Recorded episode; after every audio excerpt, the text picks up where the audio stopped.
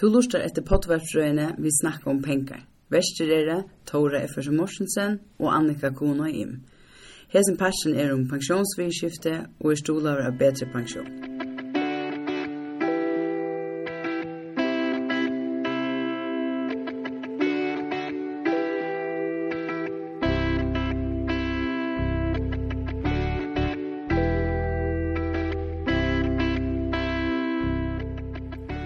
Ja, alltså senast tiden så har vi uh, snackat sen till om pension och redaktioner. Tora. Ja, det har vi. Ehm och och är det fem? Ja. Eh kvinnor som är imiska kvinnor. Ja, eh och Här var kanske lugga av alla det här till Felix att ta om man tar sin pension så det inte ta att det kommer flest år och mest vitande på det. Nej. Eh, det kunne godt innrømme alt, ja. Ja. Eh, vi helt kanske det syns stort lite att, att uh, lycka ta så ett synd vi här om um, kvartär huxa, det där har år pension. Ja. Så tror jag locka bara Marie och Elin uh, ner och lilla studio där. Mhm. Ehm, kan se det kan också det jag snackar om pension. Ehm, ja, alltså för mig halt jag det ölja fjärst på en kramata. Till det är näka som vi ska bruka om röjarna går. Så jeg får etla fyrir hilt med til det. Eller det er ikke nekka som jeg huks om. Jeg må samla pengar til. Men man høyrer ganske ofte akkurat det. Det er så fjärst, og skal man virkelig akkurat tega pengar som man faktisk bruk for nu. Ja, det er akkurat det. Um, men har du akkurat oppleva at at bli at det klefri halda din til pension, altså kontakta jeg banka, eller Vi det kontakta jeg banka, Så vi där vi inn til et prat. Her er en rådgivare. Fortalte jag om att bra jag sett att upp och i mot lockar nu Jeg vil bare bara vanlig vanligt ett konto, och så i mot hvis vi investerar pengarna. Och Instagram har ju spurst om om brukar här är om det är van vi att det är ting som man tar upp tar om alltså hemma då är det vuxen upp och här är det faktiskt 45 som säger nej. Minnas sig att tycker att ta som det hemma eller föräldrarna att det är något de kännas vid. Heima til okkon har vi slett ikke så som da, og det gjør vi heller ikke nå som familie. Så det er absolutt noe som jeg kjenner. Det er ikke faktisk kanskje det samme som hender nå, og det er bare en joke for jeg ble spurt, så for det kanskje helst ikke kjennes vi etter. Ja? Hvor man da være, så det er jo utrolig, utrolig relevant til å stå på sunne funksjon, kan man si. Men hvor er, er det ting som man kanskje ikke forholder seg nok til? Hva er det du gjør? Jag också kanske att det är vi att det är nog snäck arbetsplats säljer det allmänna som brukar att det har en fastlagd pension mm. och det här starkt folk iskol för handla sig till det. Mm. um, det är ganska snägga det vi man inte en gruppspeglare på att ut i dagliga. Så man huxar kanske till er sikkurs eller så är det fackfälla som så samråd som till pension. Ja, nämligen. Ja. Ja. Jag har alltid åter det att det är så längt fram i framtiden. Så jeg husker bare, jeg har gått till og det er jo akkurat som hooks och ösnen ta man bryr i arbeta. Och ja, er ferdig hacka procenttal i øynene for, Men tog en gang bare så rødt. Akkurat. Ja, det kommer ikke til. Så det är ju att vi hvis man vill ha samma livsstil som man har det så ja. kanske det nej att man faktiskt betalar mer än man får för arbetsgivaren. hvis man får fast fast procent sats från arbetsgivaren. Det här är bruk for det for at Egentligen ja, att han äldre. Och vad skulle procenten kommer så vara nu heter resterande års eller att man har nu Alltså ja men okej så är det något till liksom då vet jag. Mhm. Alltså som tack och shower så liksom okej så är det kanske en liten realitet tror jag. Ja. Men det är inte bänkna för det att till så eh kommer i pensionsåldern och så är det ordentligt trångt för Julia. Jo, jag kan gott störa om det. Mhm. Det har också jag inte själv. Mm. Stor slash. Du är ofta väl ute privata och då är du inte finge. Gå upp Jeg chill. Mm. Jag har det kräver ju altså, Alltså husker bare, nå nu har vi då snackat banken om lån och såna altså, Alltså det kräver att hej och sier, nå nu har det till skol till skol och snacka vi alltså vi har som för en altså, alltså bättre pension. Alltså så føler okej ok, så tar jeg, kommer att han fått en så må eller alltså mm. sätter med lusta och vi må det kan til, till att nu tar vi stöd till en annan viktig ting. Mm Men egentlig vi er halt ikke har vi følt at det må akkurat som men, se om nøyda. Nå, no, men takk for det, Gøy. Jeg har faktisk at det tek nok så godt sammen om eh, så som pension og kanskje hevet det noe sted i det. Det er ikke noe å ta oss noe om, men takk så prøve å sette hold at det så har faktisk noen spørninger som kommer fram så vi vi. Ehm um, och det här sender och också gott vore det till affär kava sin gyprenir och heter Eone Pension.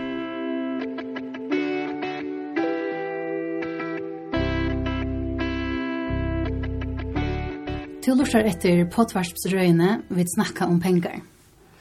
Og nu får jeg snakke om pengar, eh, som er et evne som okra imenskon årsøkken ikke snakka så nok om. Ødel for å vise tølene at dere kvinner ikke er så vel informerer og faktisk slett ikke lukker vel stittler som mennene. Eh och du halt dere att det er viktig att dere tar det evne opp, och at dere har et öppet prat om det pengar liv i vidskiftene. Eh du själv må vilja det eller inte så är det en viktig pastor av livet.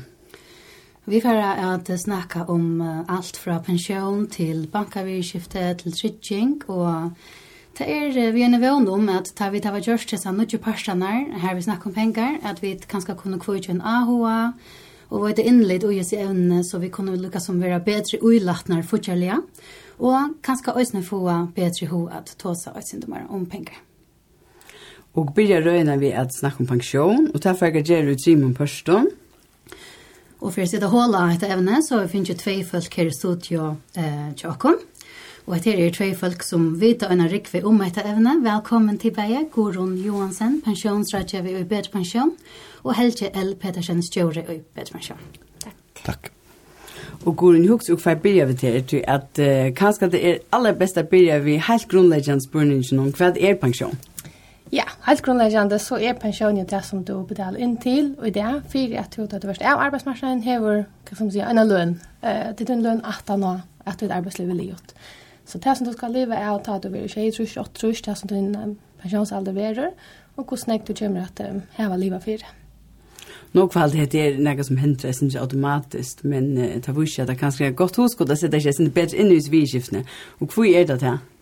Ja, da, hva skal jeg, orsaka, lovarmessig så er det jo syndra automatiskt, för du skal jo betale en parst inn. Mm.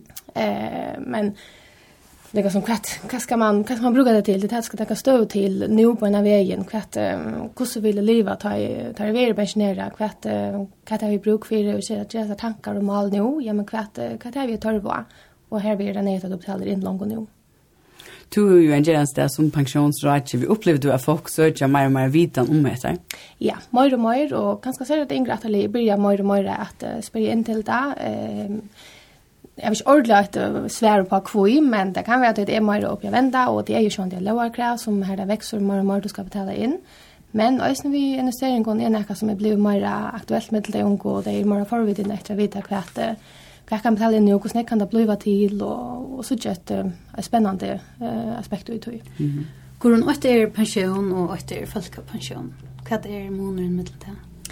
Ja, altså Sean Berg blir utgålden så at du vil pensjonere, Eh, hvis man ganska skilde jag sender upp folkpension är näka som du först från det allmänna. Ta för öll. Ta för öll. Sean så du är trycka en bestämt uppad, hvis du inte har näka själv eh har du så nakar sjálva træ, ja, men so fast du alltid tun parst og tun egna parst ut. Och så kan man för snacka sin tekniskt om jag heter för next show, jag så fast i slutet när jag får pension och så vidare men uh, grundläggande så är pension till ganska som du betalar in själv och man också får pension så det är det fasta det allmänna. Alltså kan man se några tungelsregler galtande för jag som eh du man tar så nog med det livestöje ta det för pension vill ta samma livstöj som du hör det. Är det några tummansregler hur några procent man ska skalt in kan man se när kommer det? Nej, till öliga inte säga eh tog jag att det är gott för en är ju så jävligt individuellt. Alltså som är öliga alltså minimalistiskt man ska vi inte bruka för såna kvon och som ju också okej nu är det tjejer och åtrust nu vill leva och färdas och bygga ut eller här som man kanske vilja sälja sin större hus och färdas något Ubo och så tog vill jag inte lika som voice anaka standard men individualisera det till han enstaka person som ska hjälpa pension. Men då hvis man hvis man inte tog mer betala pension Okej, okay, man ska betala sin där. Mm. Men hvis man inte också snackar om det och inte helt så viktigt, kan man leva bara av när folk pension? I, det kan man ju. Eh, så ska du bara sätta det standard här efter. Kostar du vill uh, leva då du är pensionerad. Så ska du bara veta att du har det här minnet att, att leva för det. Okej. Okay. Kan du kanskje for ta og nesten til jøkken en vanlig arbeidsdag som pensjonsrådgiver? Ja, det kan være øyelig i mest, og tror jeg i mest at jeg snakker du kanskje ved en ung person som heter først før han skal betale inn, eller en som er mer tilkommen, og lykke som kanskje vil gjøre noen brøydinger, kanskje justere hva man betaler inn, mer eller mindre, et eller annet som skal på pensjon. Så det är ganska väl i mest, men vi sitter här ganska en en unga som är helt nödjör så så ska han ju ganska få sina första lön och kommer in och spyr men vad ska jag göra? Eh och hjälp mig eller så att man var ganska inte om det. Eh så ta affär vid det jag någon som man kan kvätt visst kanske kvar är arbetsgivaren kapitalen in till lockon när man kanske limra på fackfulla hur man rätt under det här. Eh men så lyckas det som man ska ta stöd till er det som du betalar in i det. Eh ger det ganska några tankar, hvordan vill du leva då du är feltkapersonist? Eh, vill du hava ganske større oppad, eller klarer du det ved sin minne? Og herfra sett etter, ja, men betal du så nøklund det nok i det, så at man fyrst ikke kan endelig støve da man är sjekta sig gjennom 18 år, men lykkes man, man teker syndrene støve, tog du skal sjå det, sånn gjerne komme atter om ganske 15 år eller okkur, og ganske atter justere nøkker ting. Og det som så er viktig at jeg kan støve til, ta til hvordan man så investerer seg pensjoner til å seg vujere, hvordan kan ta investeringen være vidt til at litt av denne pension. Men det er vel ikke så at man så väl en fond hvis en pensjon, så gör man också nu sloppe. Nej. Hur så ofta borde man komma förbi? ja, synd i mest uh, annan på at man har ju skiftande lustöver, man skiftar ganska starv, eller för att märka, för böten, hus, skilder attor, eller hva det ska vara.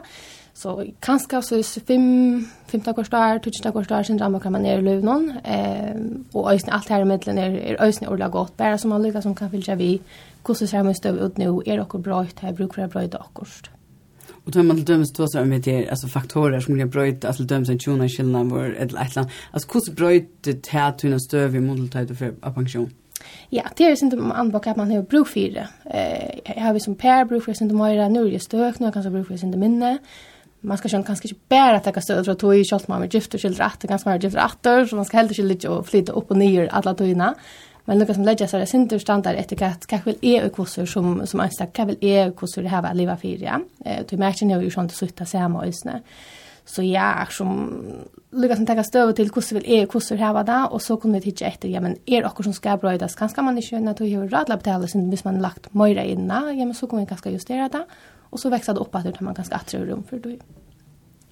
Och är det så snär att tar man äh, räcker pensionsaldrig att man har bruk för minne av penning att leva för än man har tar man ganska har smapet och husalan och sås. Det här ser man vanliga, men vi ser också mer och mer det att äldre folk ganska täcka lån för att göra omvälningar eller köpa en större hus. Och, så ja, förr man kostar väldigt göra också på det här, ja, men du har inte bötna att betala för det, du har inte utrörsler till lån och kanske omvandlingar och sånt. Men man ser mer och mer hinvägen efter att ja, men allt orskar där, räntan för att snå upp och du har ganska långt och långt du ska betala den lån. Så ja. jag har alltid brött att synder att man har bruk för jag synder mer nu eh, än förr. Ok, Ja. Absolut ja. avvärst, Annika. Ja, ordentlig. Kallt du tar den Har du sett in och visar vi köpna. Vi får gå boka en fond, Men vi tar vårt förgäster, helst jag törsdags när vi kan det. Ja. Eh, nu har vi torsdag syndrom hva och og under områdende, men jeg har alltid også til at uh, tölne det visa naga som gör det som gör det ega ahua till och om kanske sel och kvinnor här på den här att ta det evne upp. Eh tui eu jaunen mitteln kvinnor och män är öliga tujlig. Ta ta snur som pension. Kan du fortelle sin om det? Ja, jag hvis man ska teka det från en ände av, så är pension vanlig en pastor och en lön. Alltså hvis du tjänar 30.000 og fast 20% av tøy, eller hvis du tjener 40.000 og fast 20% av tøy, eller 15% eller hva det er i etterløn, eller pensjon, som man kallar hvert om anna, eh, så fast det jo et, et innkjalt av tøyna pensjon. Og her er, ta seg til øyla tøyande, eller faktisk alt avgjerande, hvert hessen personeren, mauren eller kvinnan, forinner i løn. Så her halde jeg grundleggjande trobladje, hvis det er en trobladje, uh, ligger, uh, tog vi suttja, som du raktast inn jo, vi suttja en øyjavn i middelen menn og kvinner, at innkjøltene vid foa, i mial, fra en mann er nekka vel hagre enn i mial fra en kvinne. Det finnes sjående kvinner som kjenner nek, og menn som kjenner løyte, men nå snakkar vi, hvis vi bare hos om, er janten med vår eller kvinna, og hva vil mot innkjalt være i mial. Og ta moneren, ta vi tidsja, trojar aktor, og ikke etter innkjelten som er kommet, eh, så er monen en 35-40 prosent også hørt. Altså alltid at menn betaler 35-40 prosent møyre innan sine pensjonskonto enn kvinner. Ja. Ehm, Um, jeg vet ikke om det er 8-8 mersker at det tjener så nek møyre her ute, men jeg råkner vi at det ligger her alløy, tror jeg at pensjonen er jo, til verste, Du betaler et avvis prosentgjald hvis du arbeider innenfor et land og ikke som til fagfellet hever, hever avtale at nå har vi 90 prosent, 20 prosent, 12 prosent, 15 prosent. Og da vi suttje innkjølt, som er større ikke av månen enn kvinnen, så har vi ikke årsøk halt an enn at han må være tog at for mer penger. Så kan man snakke nek om hvitt det er så. Altså kvart er det han jo, er det bare søvelige så løsne at det hever være. Vi sitter jo østen i tølen, og vi sitter etter hva mest penger oppspart der. Det her er samme tendenser. Men det vidar vi jo, altså, hvis vi setter penger inn i en vanlig bankakonto, og kvinnan i husen setter 20 kroner inn om dagen, og mannen setter 20, og man hikker rakt om 2 år, ja, så er kontoen ikke mannen større enn ikke kvinne. Så det er ikke mer pjøskjøver og mer innviklet enn det, enn det pensjon er en parst av en løn, og det er vidt suttje at innkjøltene til kvinnen er og generelt lakre enn til mannen, så merker det sannolikt det at kvinner ikke har lukka høy løn her ute som, som menn. Alltså är det några bestämt ting som kan avviska inte alltså ett är kad löner stöj är men är det några andra ting som kan avviska? Vi sucha vi vi som pensionsfälla eller lukar mig kvar kvar så där pensionsfälla är vi sucha till inkalda som kommer in till person X och person Y. Eh men vi gita och det visst kan det vara onkel gröna här visst nu ända vi kvinnor om det eh fiske längre du så gärna att man det är också vi kvinnor kanske är och mera i barsel än män og her vi missa sindra av Aron her tullja i forløpnån, eh, Mån og ikke flere kvinner veri i nye sett og størvån enn menn. Eh, er det kanskje enn så løsner at tradisjonell kvinnestørv og mannfolkastørv, hvis nekka kan definera så, at det er tendens til å være at Anna forbinder mer penger enn hit. Um, det er ikke å konkludere ikke mer, men er råkner vi at en sammenfall med ødela kjertingene gjør at urslite, vi sier at menn betaler mer enn kvinner. Er det kjøret først? Alltså är halt att att en en en en en ordla viktig spårning att sätta sig som land och som samhälle att ska man allägga att ju önska och kvinnan i Nigeria när vi tar. Det är ganska begränsat kvart hon för just vitt det. Eh men är halt det är det ordla visst spårning jag där alltså ta i som vi sier Jan Arvid börjar vi här att vi sitter vi morgenmatteren bor i morgen en drunkare i och en en jente trujar. Alltså hvordan ska jeg kunne forklare at høymon er at to dronker to jar to skal ska at tjena eh, sikkert en 34 mer enn sist. Mhm. Jeg føler meg fengt enn ut och gjør. det. Jag hade inte det er så viktig, eller det vet ikke om det er hvordan det hever vare. nå standar vi sørst i 23 og skulle innrata 2024 fram etter. Hvordan ikke vet at det årene skulle være. Skal det framhaltande være så løs? det halde jeg ikke det skal være. Jeg halde man skal gjøre okkur for at rakta tann og jaunan. Jeg vet vel at jeg ber neivan til at gjøre morgen så snar, men minst alle må man atlas her brøyda det. Og så kan man gjøre inntryv i hvordan skal omstående være, tar man øye småbød, tar man for barsel, tar man arbeid hesten og østen og stenfor hesten og østen. Det er sikkert en en, en lengd prosess av å få det aboint. Men jeg halde ikke at månen skal være så stor som man er det, hvis det er skal være her. Du, hvor skal hvordan skal jeg kunne forklare det? Eh, jag slapp du bättre under att förklara det morgon. Du har inte spurt mig, spurt ikke, men jag hadde ikke haft ett grött svär på det. Ja, akkurat. Så det var sagt en sån politisk spurningar. Ja, det är en politisk spurningar och väl en samfunnslig spørninger. Altså, kvart är, kvart är Hvordan utvikler vi okkara arbeidsmarkene okkara land, hvor gjerne skal hesen øvjavnen som vi sutja, nå sutja vi okkara tøl. Jeg bedler meg inn at andre fel og seg cirka så om tøl, og til er sjående kan man hitje til løn og anna, men, men nå røyser vi nekka spurningar her, og, og, og er trykk vi at om ikke tølene passa akkurat øyt løyt og i alle sammenhengen så trykk vi etter problematikker som er her ute. Eh, det trykk vi, det, det trykk vi fullt og fast på, og så må man lofta tøy, og halda at hvis støvan som man er nå ikkje er tan innskillega, mm -hmm. men så må man gjøre okkur, til at hvis man ikkje gjør nekka, så er ingen norsk halda at dette ikke bare heldur av fram. Uh, så her halda jeg er nekver instanser heva en stor oppgave i, i, i nekvar fram etter, og, og fyrst, fyrst og etlo må erkjenne det, at og hette er ikke som det skal være, så må vi gjøre spekelig brøyde til her, så er det at om år eller år tutjo at hesen måneden er, er, er viskaver ut. Og snakker jeg synes om det er nok byrja at vi hvordan støvan er utanfor følger. Det vet jeg det kanskje ikke så nok om, men det er kanskje en avbending om det. Um, men er, altså, kan du huske at følger er er altså, en etterbad av hesen øyne nå? Ja, jeg, jeg, jeg vet det slett ikke, men jeg trykker vi at hesen problematikken er ikke ser for føreskår, uh, om han er større eller minne i omkring Jeg trykker vi vi finner land her det større og gjerne, og her det minne og gjerne, uh, og, og jeg råkner vi at man hikker etter, hvis man hikker hver land er mest og minst utviklet så råkner vi at hesen her uh, moneren spekler blir minne og minne, mer utvikla i London er. Mm. Og så er vel spurningen hvordan hvordan utvikla vilja vi hava førjer skal være, og så just. Uh, uh, jeg hadde ølt for den her er og her, hvis jeg hese tølen som vi sutja er omboende fire problematikken samla seg, eh, nå sier jeg ikke at det er det, men hektar så akkurat parser av det, eh, så alle ødler før man hever, hever et årsøk til et kjæk som er større enn det er det. Det er fulle følelig kjæktafidler, spesielt nek vi kjær som er. Nå er det ikke om det er bare at det er med hvor vi kjører etter, men jeg føler ikke det fiddler. nek. Nei, men det er akkurat det her, altså, hvordan får man folk til å ta som er om etter ånne? Hvor er det avbyrdene? Eller, altså... Ja, men i alt det er, det er en sånn det felaks avbyrd, men vi er innrettet løyve, vi, vi vita nok sånn ek ting.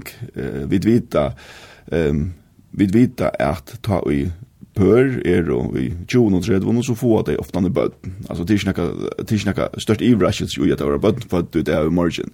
Ok, og hva hendte vanlig at ha, og en vanlig og minstre. Og så kan man prøve å hjelpe på at det er minstrene sier, men kvært vi er bare at gjøre pensjonsvidskiftene kjønne kvinner som er i barsel, et eller annet mann som er i barsel, at man ikke hever mon av sin pensjon om man er i barsel, eller man arbeider. Altså, et eller annet hvis man innrømmer at jeg visste ikke at nek, nekvar kvinner um, arbeider nye stedet høy, ok, men hva er tjene i gjort? Og hvordan utvisker vi tannmånen? Om ikke totalt, men hva kan man så, kan man så hjelpe på det? Ja? Tui, altså, hvis, hvis det er nekk fløyre kvinner som arbeider nysetta tui enn menn, og her vi får minne pensjon, ja, men så er det vel tui at tørre familieminstor gjer at anna arbeider nysetta tui, og hin arbeider fotla tui, men hvor skal det her gjer at tredje var skjøtten at kvinnan hever minne pensjon enn mauren, tui at huske som ta var saman, det er ikke sikra det er saman tredje var skjøtten, ta tog det vel at tu er høyma og er fært arbeids.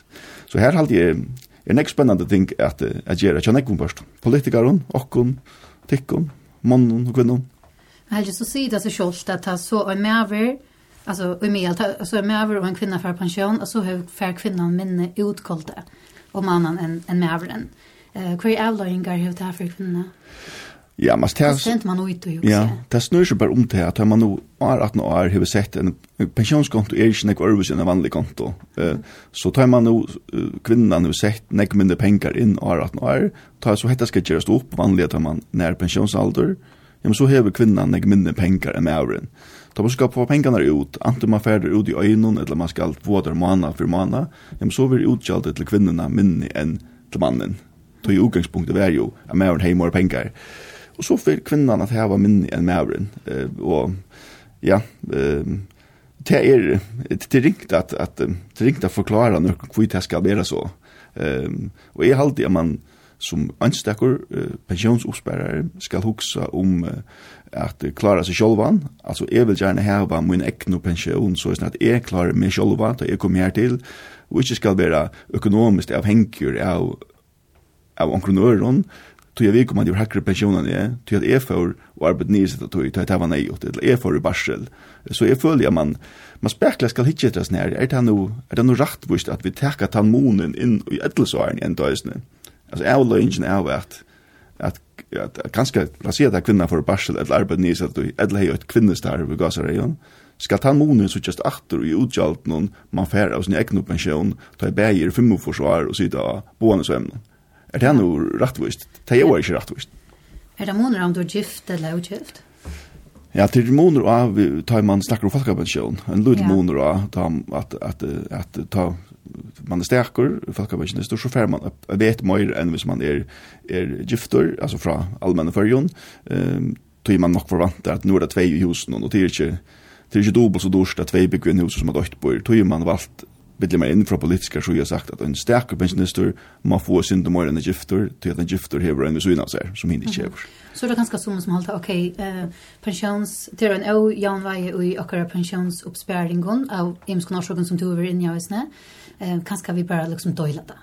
Där vi kommer här till ja, ja, det er ofte en aldrande at uh, tar man så kommer til edelsvarene, hvis jeg sier feltkjent stadigvæk er saman, uh, ja, men så kommer man til pensjon, og maveren er 2,5 og konan er 2,5, og det får pensjonen, og vi bidler meg inn at det fleste har en privatøkonomi som blandas til den eksamen da, men det er jo ikke alle stedene det er så løs, det er ikke sikkert at, at, at att kvinnan och männen är skärman då. Alltså och och ska man nu vara man ska helst inte vara har man i tanken om man ska vara samman av ekonomisk orsaker. Så så så det ska inte vara större orsak att en kvinna hungrar på en man än att en man mer hungrar på en kvinna rent ekonomiskt så snär framtoger eh messia eh tar ju ut för några ambitioner alltså. Ehm Så det färre kvar så så så färre personen alltså filtrar hon alltså önsa klinchen. Nej, det är inte alltså så. Att det tar man för kvart så så är lågen nu lån bättre spärkliga la lower risk och det är så länge sedan jag har kommit in att att en person ösen ska vara pastor och då tar man för att hvis man skilist ekonomiskt alltså så ska pensionen ösen in ut det vad det är inte så man man har ju gjort på att eh spärkliga men men startväck vet det så läs när att jag är mer när pensionsålder så framför få ett utskalt från sin pension som låt oss är 8000 kroner i månaden og kvinna får 6000. Du skal ta vera så som alle över. Det ringta förklar. Ja. Men du det är nog strukturellt ting som spelar in här men alltså uppleva tycker jag som ut i dagliga visst att demoner och hur kvinnor och män är AHA i UIS nu vid pension. Alltså är, är kvinnor lugga gå till att sätta sig in i pensionsvidskiftena som män är det. Är det några månader här? Ja, det kan jag være på. Alltså, det är helt ikke det är så store måneder. Alltså, det virker ganska till at kvinnor kanske er inte mer intresserade av er tog. Att det är ganska östen vita att ja, men det här var kanske inte lika på pensjonen som män är. Så där kommer kanske in och spyrja och det her vi och kanske sent mer tandvägen med män är kanske in mer och justera och prata åstöje och så där kvinner kanske bare inte mer intresserade av er och spyrja inn til og er det nok och så vi Men män är kanske inte mer spyr inn til andre ting eh, på den förstånd, ja. Okej. Okay. Wow. Alltså åter man vet ju, va, men att få att det här hasse hasse tölnen bara att det. Hade en sån gaserholdsmoment ja, faktiskt, ja. Ja. Ehm som ich bröts alltså schon till så 100% säkert. Ja. Så hade man tagit upp att och bjöd omkring onkeln Örn Eisner så till att ta om om just tatta i en örnpaste. Mm Men jag också för att att runt hända passion är så har jag lukka som å Instagram till kvinnor. Spurst en rikve av kvinnor. Några spurningar och till komna vi några spurningar och tar jag också en rotla för jökn här till ändans. Ehm Ja, här kommer jag snölt in. Eh, så väljer också rikvna bara då. Nej, helt det. Alltså här är en spurning som eh, kvui är så lite kunning om pensionsbidrag. Ja, det er aldri vi som er pensjonsfulle må takka, takka av akon. Um, vi og andre fele som, som okkara uh, røyna vi er ute og snakka om pensjon, uh, heva uh, senda ivelit ivor uh, til kundanar om kvætar heva, um, uh, og man hever alla stedene aldri mulig til at rite inn og sutja og så men det er et interessefelt som ikke selja størst og følge, så vi heva, uh, utan iva ikke gjørst nok til å kunne om det, mottakaren er heller ikke alltid så ganske avhåvar i akkurat hesen og i mån til nekv ting. Så, men det er ikke givast i at ta folk opplever at man ikke vet noen nekv pensjon, så på jeg minst alle fyra fingrar i, i, i mot rokken som pensjonsfølge, og jeg halde at han som går under en Johan, jeg halde avhån spekle vekser, altså, vi snakkar tross alt om det her i det, altså det er okkurst, okkurst som som ser eh, uh, intressant är spekla växande men men detta blir nog onga det lugg intressant som också helt också stanna eh, men eh, vi röna Men as you will see at uh, äh, Instagram var öle god respons så ja. att det är ett ämne som folk gärna vill ja så jag mer vita någon. Ehm um, Lukta en annan spurning. Kviver årene pension og trygging ofta brukt, jeg synes det er hipp som haps. Ja, det er litt ligger jo alle tatt man. Uh, du betaler jo dina pensionen til okkon, og vanligvis så knyter nekka tydgingar eit. Det som ganske ofta blir skilt eller i iva snakk i til hver for det Du har tydgingar som hus og bil og innbygg, og så har du tydgingar som lusttydgingar, brasjik og tydgingar. Det er pura går sjukt, så her skal man rønne inn at uh, skilje middelen hvert og hvert hva vi tekner til hver en skia tydgingarfella, og som tjokken tjokken noen lusttydgingarfella eller pensjonsfella. Ja, og hver tydgingar er det så hvis du lukkar som kan? Ja, det som vi tekner her som, som pensjonsfella, det er lusttydgingar, eh, bra sjukotryggingar, arbetsförare. Eh, så det er teatryggingarna som lykkes som vi tänkt där etter en pensjon, og det er ikke tog i at eh, det som ganske ofte miskjel til det at du tegner der en pensjon, ja, så er det ikke ikke automatisk knyttet opp i. Det er det ikke, og det vil gjerne understryke at det er liksom som halter til, og kanskje komme et eller fyrt til det halter til her, når det ikke knyttet det etter. Alle er tryggingar som hus og bil og innbygg bør tegner til noen tryggingarfela, eh, bättre hygging och tryggt i förrjön. Eh, så det här blir det pura kursut och inte något som vi kommer teckna i en pensionsfälla. Är några rocknar som man kan bruka? Alltså är också online och kan säga här du kan testa okej, okay, känn det och procentvis det och ta ge mig ett livsstöd som är till antal kronor då är pensionist. Ja, det var pensionsrocknaren och hemma sin tjockon. Han säger ju inte kvart och kämmer att få ogold månad för månad, men han säger visst du kvart en aldrig är det, kvart du betalar in, eller kvart du löner och kvart är du procentkält, så visst det kvart, kvart en samlar ju upp att vi är vid pensionsalder. Så här kan man allt för in och sutja och kanske vill man ha sin demöjra, jämkostnäck procenter skulle såkar in så kan man justera sig det här. Och visst man så vill göra det här brödingarna, då man äldre, ja men jag vill helt betala 16 procent istället för 12 procent. Du tar ge mer till upp att man som jag gärna vill ha. Ja, men så tar fattig jag kom så kommer vi hjälpa dig vid att Radio Augusto så ska göra det. Ja. Karin Mannan? Han är hemma sin Jakob. Ja. ja, och det är nekvar av dem. Så visst man, visst man är en vånande blir anker av och kvekter av oss ner. Så visst nu en par sidor hemma och undras då att, att andra personen tjänar 25 och hin tjänar 40 om annan. Så kan man pröva för att platta in, okej, okay, vi är 80 år och vad blir det här till om 40 år? Det är nog slagt att göra. Det är eh, tandmånaren, han, han växer nog äggvisliga. Eh. Och det är ganska gott att börja, så ser man också att det är inte Ehm um, här är en uh, spurning som kongressen inte åter och det är uh, sikt från hem inkre til spyr hvor kan ikke flyta pensjonen hjemme i Danmark? Utan at skulle betala nekva skatt. Ja, alltså det är ju sent annat på hur man hur man har varit skattskilt vart har man betalat in så här blir det kanske sent tekniskt hur man bor och haft skattskilt i Danmark men så kan man inte ta det till andra skatter vi skiftar i Danmark och i förrjon man betalar inte skatt in på samma måte i förrjun betalade ju skatt är äh, pensionen till hotellarna in och i förrjun är det att farsarna in. Nej, i Danmark är det att farsarna ut. Så här är pura kursen äh, sin skatta vi Här man så bor i förrjun och ber skattskyldig och mer man betalt in till sin danska pensionskassa. Så kan man få det hem till förrjär eh och få det innan pensionskonto här. Hur kvar gör man så vid det här som man äger i Danmark när man så bor i förrjun? Ja, yes, du kan ju gott låta det stanna. Det är inte så som att pengarna blir väck för det. Du förstår ju gott när du så vill pensionera, men tar må bara stanna här du förstår inte ut ut annars. Men tar vi så fiskatta det du fyller ut och han sen är det. Er. Ja. Okej. Ja. Mm. Okej. Nu har jag inte varit nog in jag våras då. Därför kan jag inte komma mer nu. Ehm Ska ta gå en Ja. Här är en som spyr, alltså kvart, um, kvart är bästa att göra som ung så en stund det best ut ut han han fer av pension.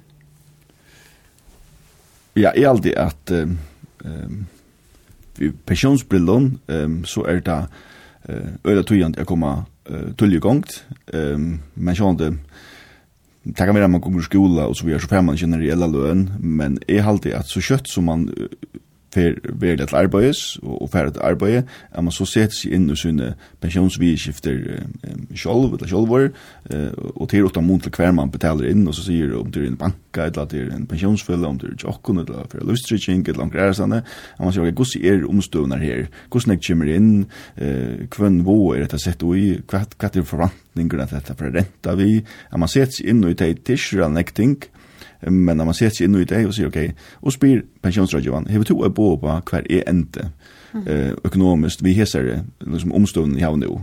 Er bliven, er utbyggven hettar nu, och till tar kunna nekvar utbyggingar, et langt utbygging i arbeid hettar, er forvant at det var sørsk hesa lønna, så kan man nok så vel sia, ok, to styrer du hesa er tilbærende til at du er gommel, eller gammal, um, og hvis man ikke gjør nekka vi til, um, så er det minni avverkan hvis du gjørst det tullia. Du, okay. hvis, du, hvis du kommer i panikk da du er 25 år og hever 15 år etter pensjon opp der, og jeg har spart alt for løydig opp, så er du ikke så lenge tog jeg gjerne vitta. Men hvis du sørst, eh, man sier, problemene framfyr der da du er ganske 30 noen og hever 40 år til pensjon, så pjøs det ikke så stor inndriv til fyrir at, liksom at ratta, ratta og ratta kjøs. Så to er unger, ung, sett i samband vi onkran som to er alle da, og hesen er ikke noen, og, og spyr, og og finnes jo til hvert er den mest sannløyga framtidarmynden som er styrir etter, og så kan man justera spekler og Og de fleste større problemene de vi verden, de kunne vi løst med de enn var løy til. Så, så, så takk fætter vi etter bare nå tullja, og, og, og som går inn i gjøne, så tre av femte hvert år spiller du inn til, og hei, hva, hva, hvordan er det noe tørver av ikke, eller ikke, men, men ikke boja vi her sånn inntil, inntil det blir at att bryg i hjertan etter at du blir en 35 år og sier, ok, nå burde jeg faktisk gjøre det, nå føler jeg at dette er, nei, takk, färdar du hetta nåtulja, til så er det ikke ganske det større problem. Er, er det kanskje et huskode at betale sin egen inn av lønne av pensjonskontoene og øsene? det är det som som gera till oss neck vi måste vara realistiskt till nek neck vad brukar pengar till i i dagens samhälle så vi kunde förvänta att man brukar alla pengarna till till pension så hvis man hällde sig till nu är lågen så blir så lös att man ska ha minst 90 i år hon blir 20 nästa år kommer på 12 om om gå 2 år. Ehm så hvis man minst alla ger det och börjar unkor så är det inte så galet start. Men det kan vara nej att hvis man är kommande sin långt upp i årene och inte har så nek uppspart så kan det vara en idé hvis man är möjlig till det att sätta sin eik in för lukka som att jag stickna sig hvis rentan blir ett avvist så blir så där eller tog ju om man nu nekva pengar in i det lilla pengar inne till att hevd en miljon så ständer rentar vi 3% eller 100 000 till två imus tål så kommer på sjutton så jag hade gott att få en ändlar upp att nog så tulliga så lukka som en förvantare det kan hjälpa på att ja eh men det är ju omst att folk folk skulle lösa liva, alltså inte det blir pensionist så vi kunde ju förvänta att man att man brukar alla bänkar lite här och, och gång svänger inte man pensionist till helt smänst. Men det är så en som spyr att för kostnader är tänkt att jag har pension standande inne. Ja, jag kan tänka att det är ödlefälle vi då när har en landa kostnader struktur til vi er øysne fela som skal heve kostnader som skulle betalast.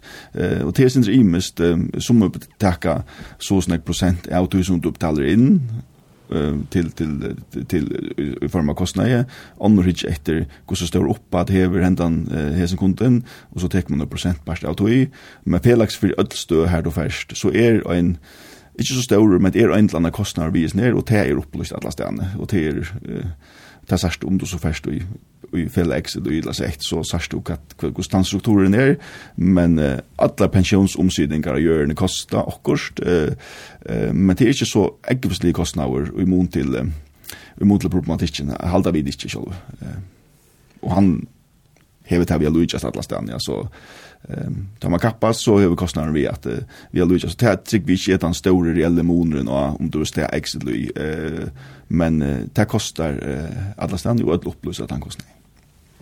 Och hur ser man har pensionsstandande fler i måste förjon om man inte att hetta ska bära vara samla hästsystem. Vad gör man så? Ja, så är nämligen så kontakta till en pensionsvillig som du har du inte har det allt samlat där och blir vi kommande pensionsrådgivare kontakta hinner pensionskassan eller bankarna när man får det flott till då. Det är inte alltid att det är möjligt. Hvis man är bonden att omkring fagfälla ångstande så kan det vara omkring trader vill jag vi här. Men hvis man vill så jag borste från tog, ja, men så kan så samla allt jag inåt sted och till pensionsrätten som kan ordna det för det. Men hvis man inte samler det och man så røkker pensionsaldre, hur vil det utkjeltene komma till så bra ämsestande fra?